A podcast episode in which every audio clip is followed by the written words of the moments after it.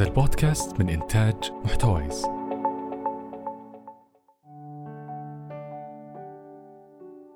لحظة الميلاد هي أكثر لحظة يكون فيها الإنسان بقمة ضعفه وحاجته للدعم. من أمه من أبوه من الدنيا الجديدة اللي نورها القوي قاعد يشتت نظره. يصيح ويصيح وكأنه يقول أنا جيت هذا أنا.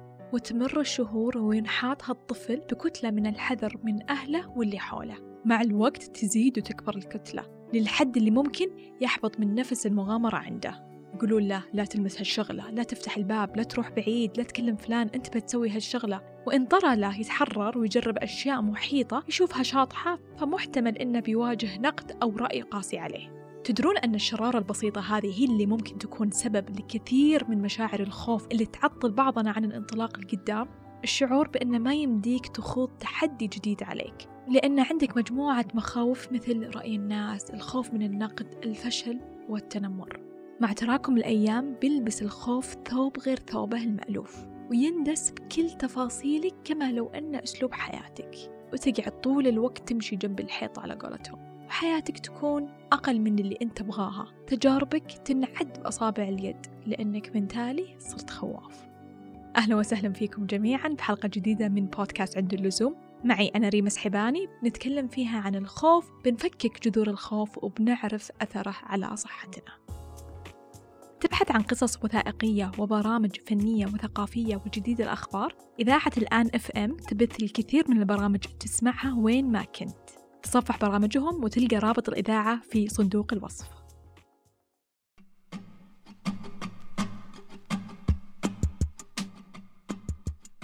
تحليل سيكولوجي يبدأ من تحليل طفولة الإنسان لأنها تفك شفرته وتبسط مفاهيم معقدة. واحد من الأسباب اللي تثبت جذور الخوف في داخل الطفل وتستمر حتى بعد ما يكبر ويصير راشد هي القيود. القيود اللي يزرعها الأهل في نفسه بداعي حمايته. وحرمانه بأنه يجرب الحياة على طريقته علشان يتعلم ويكسر الشعور اللي يخليه يهاب الأشياء والمواقف بعدين. لما أقول مواقف ما أقصد فيها أبدا المواقف الكبيرة اللي ممكن يتعرض لها الواحد وتهز الأمان النفسي حقه زي الصدمات اللي تحطه بوضعية face to face بوجه الخوف. أنا أتكلم عن أشياء تعتبر سهلة ومقدور عليها في حال قدرت تتخطى خوفك أو مجرد تفكيرك بالخوف واستحضار الرهبة من المواجهة. مثلا أبعطيك سيناريو. بالجامعة لما يجي أي دكتور يكلفك ب assignment أو مادة بحثية ويبدأ قدام طلابه يعطي brief عنها. ثم يبدأ يخوض في تفاصيل توتر زي العلامة اللي عليه الوقت الضيق المفروض أنه ينجز فيه وحط في بالك أن المهمة الجديدة عليك كليا.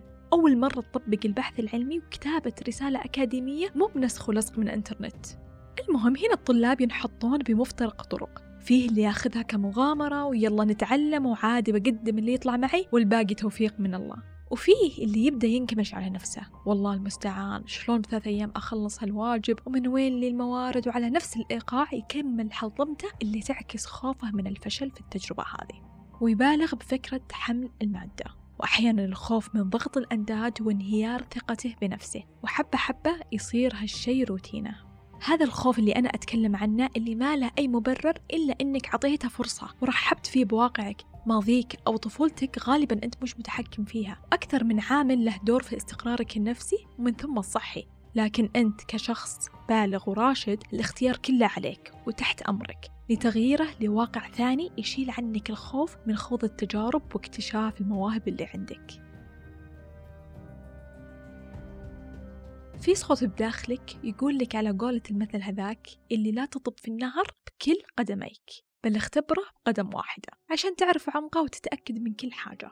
أحيانا كثرة معالجة القرارات تسحبك لفخ الخوف. التحليل المبالغ في التفاصيل الكثيرة اللي ممكن تفتح روابط تشعبية براسك تخليك تهون وتقول لا على سبيل الأمان والارتياح. وخذ لك من بعدها سنوات من الحجر في المنطقة العمياء هذه. ولين ما تستوعب أثرها السلبي عليك وكونك صرت شخص حرفيا ما يبي يجرب عشان ما يهدد أمانه أو استقراره النفسي فالله يكون بعونك.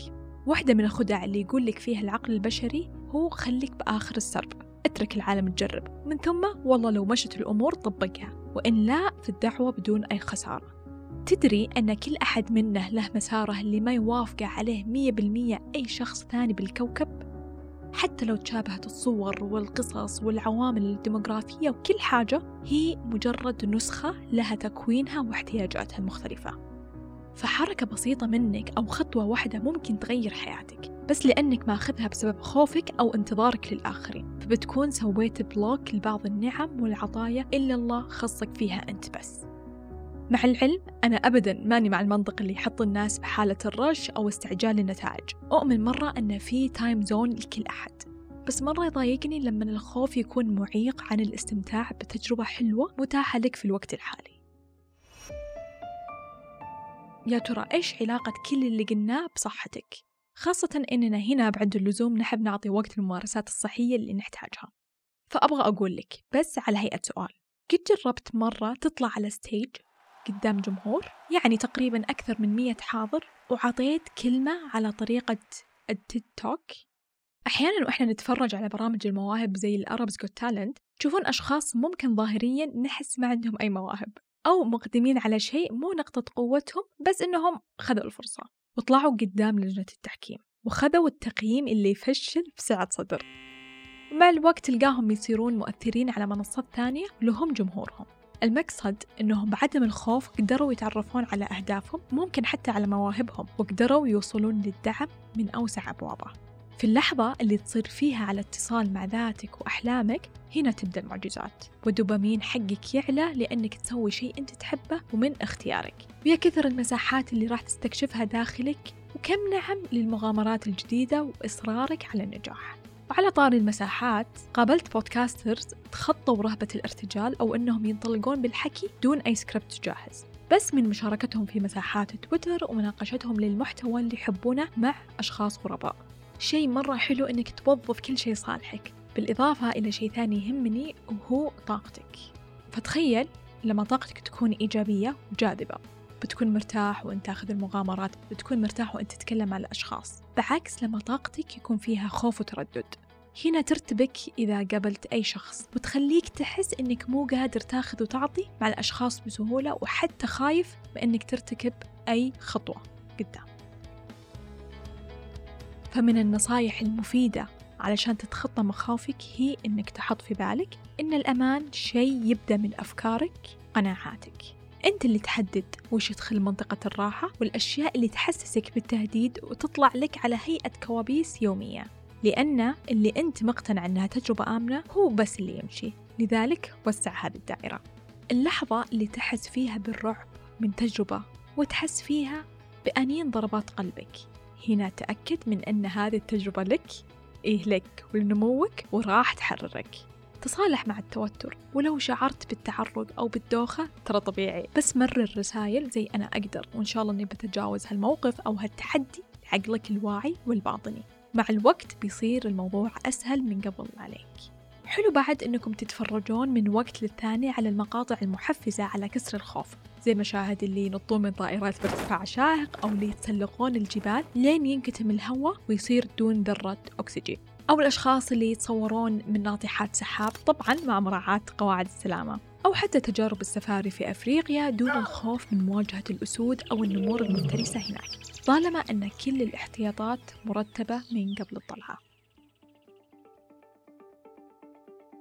لو أنت رائد أعمال ببداية طريقك أو أنت صاحبة مشروع واعد أو عموما أنت شخص عامل مكافح في هالحياة. يلزمك تعرف آخر الأخبار بالعالم سواء أخبار استثمار تجارة تجارب ونجاحات تتعلم منها. قصص عن شركات يمكن ما تكون سمعت فيها من قبل. وعشان تكون دائما مطلع على هالأمور ولا تغفل عن خبر يمكن لو عرفته ما تكون خطوت الخطوة الفلانية.